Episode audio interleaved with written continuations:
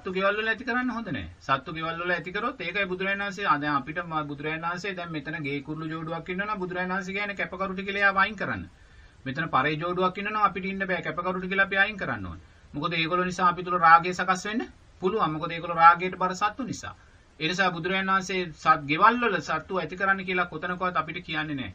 අපිට උනත් ඉතුරු වෙච්ච බත් ටික සතෙකුට දෙන්න කියලා බුදුරජාණන් වහන්සේ කියන්නේ නැහැ. මොකද සතෙකුට දුන්නොත් ඒ සතා හෙටත් එනවා. හෙට එන්නේ තව දෙන්නෙක් එක්ක. එහෙම ආපුවම අවසානයේදී හාමුදුරුවෝ තුල රාගය කියන කාරණේ සකස් වෙන්නත් ඒ නිසා අතීතයේ එහෙම වුණ නිසා බුදුරජාණන් වහන්සේ විනය පනවල අපි වෙන් වළක්වලා තියෙනවා. දැන් ගෙවල් වල සත්තු ඇති කළොත් ගෙවල් වල සතා හැම වෙලාවෙම උපාදානය කරගන්නේ කවුද? ගෙදර ඉන්න සාමියා. දැන් ඒක මං ආරණ්‍යක හිටියේ ඒ ආරණ්‍යේ පූසෝ ඉන්නවා 10 දෙනෙක්. පූසෝ 10 දෙනෙක්. ඒ පූසන්ට නායක ස්වාමීන් වහන්සේ හරිම මේ සුරතල් හරිම කැමති. හැම කන්න දෙනවා බොන්න දෙනවා ඒ සියල්ලම දෙනවා මේ පූසෝ 10 දෙනා මෙතන ඉන්නවා. හැමදාම ඉතින් දානශාලාවේ උදේට අපි අර ඒ සත්තු මුත්‍රා කරලා පාපිසි හොදන්න ඕනේ. ඒත් ඉතින් ස්වාමීන් වහන්සේට ප්‍රශ්නයක් නැහැ. පූසෝ 10 දිනක් ඉන්නවා මේක ඇතුලේ. මෙතන ඉඳලා දවසක් කොහම හරි එක ස්වාමීන් වහන්සේ කෙනෙක් උදේ පාන්දර 5ට විතර දානශාලාවට එනකොට මේ දානශාලාව ඉස්සරහා තියෙන අර සිංක් එකක් වතුර බේසමක්. ස්වාමීන් වහන්සේට පාන්දර පේනවා මේ සිංක් එක උඩ බලලෙක් ඉන්නවා. වෙන බල්ලුන්ට වඩා ටිකක් උස බලලෙක් අලු පාට බලලෙක් ඉන්නවා පේනවා.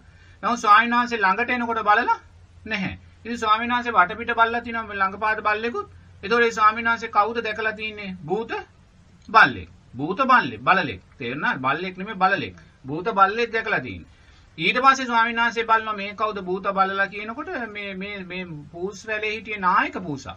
නායක හාමුදුරන්ගේ පිටිපස්සෙම තමයි හැමදාම ගමන් කරන්නේ. එයා නායක හාමුදුරන්ගේ නැතු කොතනකවත් ඉන්නේ මේ පූසා මීට මාස ගානකට ඉස්සෙල්ලා මැරිලා. මේ පූසා මැරුණ වෙලාවේ කොච්චර නායක ස්වාමීන් වහන්සේ පූසට ආදරේද කියනවා නායක ස්වාමීන් වහන්සේ අඬලා තියෙනවා. මේ පූසට පාංශ කූලෙකුත් දීලා තියෙනවා. එතකොට මේ මැරිච්ච පූසා අර ස්වාමීන් වහන්සේ ආරණ්‍ය උපාදානය කරගෙන ඒ ආරණ්‍යෙම භූත සත්වෙක් හැටියට ඉපදුනා. දැන් මේ ඒ පූසමයි මේ භූත සත්වෙක් හැටියට එන ඔබලා ගෙදර බල්ලෙක් පූසෙක් හදනවා නම් ඒ සත්තු මැරෙන වෙලාවේ කවුද උපාදානය කරගන්නේ? ඔබලාමයි. මොකද ඒගොල්ලන්ට වෙන දෙයක් නැහැ. දැන් එක්තරා මම ධර්ම දේශනාවක් කරන්න ගියා මේ ලොකු කෝටිපති ගෙදරක. ඉතින් ඒ ගෙදර බනෝන බණ ඉවරුනාට පස්සේ මට කිව්වා ස්වාමීන් වහන්සේ මට ඔබ වහන්සේගෙන් පෞද්ගලික ප්‍රශ්නයක් අහන්න තියෙනවා කියලා. මම මොකද්ද මෑනියෝ කියලා. එතකොට ඒ ගෙදර ඉන්න ලස්සන ඇල්සේෂන් බල්ලෙක්. මේ නෝනා කියනවා මට ස්වාමීන් වහන්සේ මේ ඇල්සේෂන් බල්ලා ලබන ජීවිතේ මගේ දරුවෙක් කරගන්නේ කොහොමද කියලා මට කියන්න කියලා. මේ ඇල්සේෂන් බල්ලා ලබන ජීවිතේ මගේ දරුවෙක් කරගන්න හැටි මං කිව්වා පුතේ කවදාකවත් ඒක නම් වෙන්නේ ඔබ ඉන්නේ මේ උතුම් මනුස්ස ජීවිතයක. බල්ලා ඉන්නේ සතර අපායේ. සතර අපායේ සතෙක් ඔබේ දරුවෙක් කරගන්න කියන කාරණේ හරියන්නේ ඔබ ඔය දෘෂ්ටි අතහැරියේ නැත්නම් ඔබ ඊළඟ ජීවිතේ බැල්ලියකගේ කුසේ බැල්ලි පැටියෙක් කියලා ඉපදෙන්න පුළුවන්. ඒක තමයි වෙන්නේ. මොකද උපාදාන. ඒතකොට බලන්න මෙච්චර ධර්මයේ දන්න නෝනා බල්ලාව අච්චර උපාදානය කරගෙන ඉන්නවා නම් ධර්මයේ මුකුත්ම දන්නේ නැති බල්ලා නෝනාව කොච්චර උපාදානය කරගෙන නැද්ද? ඈ කොච්චර උපාදානය කරගෙන නැද්ද? එහෙනම් ඔබේ ගෙදර ඉන්න පූසා, ඔබේ ගෙදර ඉන්න බල්ලා හැමදාම ඔබ කන්න බොන්න ඒ හුරතල් කරන නිසා අනිවාර්යෙන් මෙයා අප්‍රමාණ ඔබලා උපාදානය කරගෙනයි. ඔබලාට ඒක තේරෙන්නේ නැහැ. ඒ උපාදානය කරගෙනයි ඉන්නේ. එතකොට යා මැරෙන වෙලාවේ ඔබලාමයි සිහිපත් වෙන්නේ. එයාට වෙන කැමැත්තක් සකස් වෙන්නේ නැහැ. එයා මැරෙන වෙලාව ඔබලාගේ ගෙදරම භූත බල්ලෙක් වෙලා උප්පත්ති ලැබ භූත පූසෙක් වෙලා උප්පත්තිය ලැබෙනවා. ලැබුවට පස්සේ දැන් ඔබ දන්නේ නැහැ ඔබේ ඔඩොක්කුවේ භූත බල්ලා ඉන්නවා. ඔබේ කෑම මේසේ භූත බල්ලා ඉන්නවා. ඔබේ ඇඳේ මේස බල් බල්ලා ඉන්නවා. ඔබ දන්නේ නැහැ. නමුත් සාරිපුත්ත මහරහතන් වහන්සේ මේ සතර අපායේ පෙළ ගස්සනකොට ඉස්සෙල්ලාම තැනින් තියන්නේ කවුද? ප්‍රේතයා. මුල ප්‍රේතයා. ඇයි ප්‍රේතයාව තියන්නේ? ප්‍රේතයාට පුළුවන් පින් අරගෙන නිදහස් වෙන්න. දෙවණියට තමයි සිරිසන් සත්‍යයව තියන්නේ. පළවෙනියට නෙමෙයි දෙවණියටයි තිරිසන් සත්‍යය තියන්නේ. එහෙනම් තිරිසන් සත්‍යයට වඩා ප්‍රේතයා කියන කෙනා ඉහළයි. බුදු සාරිපුත්ත මහරහතන් වහන්සේ මේ පෙළ ගස්සන්නේ. එහෙනම් ඔබ කැමතිද ඔබේ ගෙදර ප්‍රේතෙක් ඉන්නවට? ඔබේ කෑම මේසේ එහෙම නැත්නම් ඔබේ නිදා ගන්න සයනේ මත ප්‍රේතෙක් ඉන්නවට ඔබ කැමතිද? කැමතිද?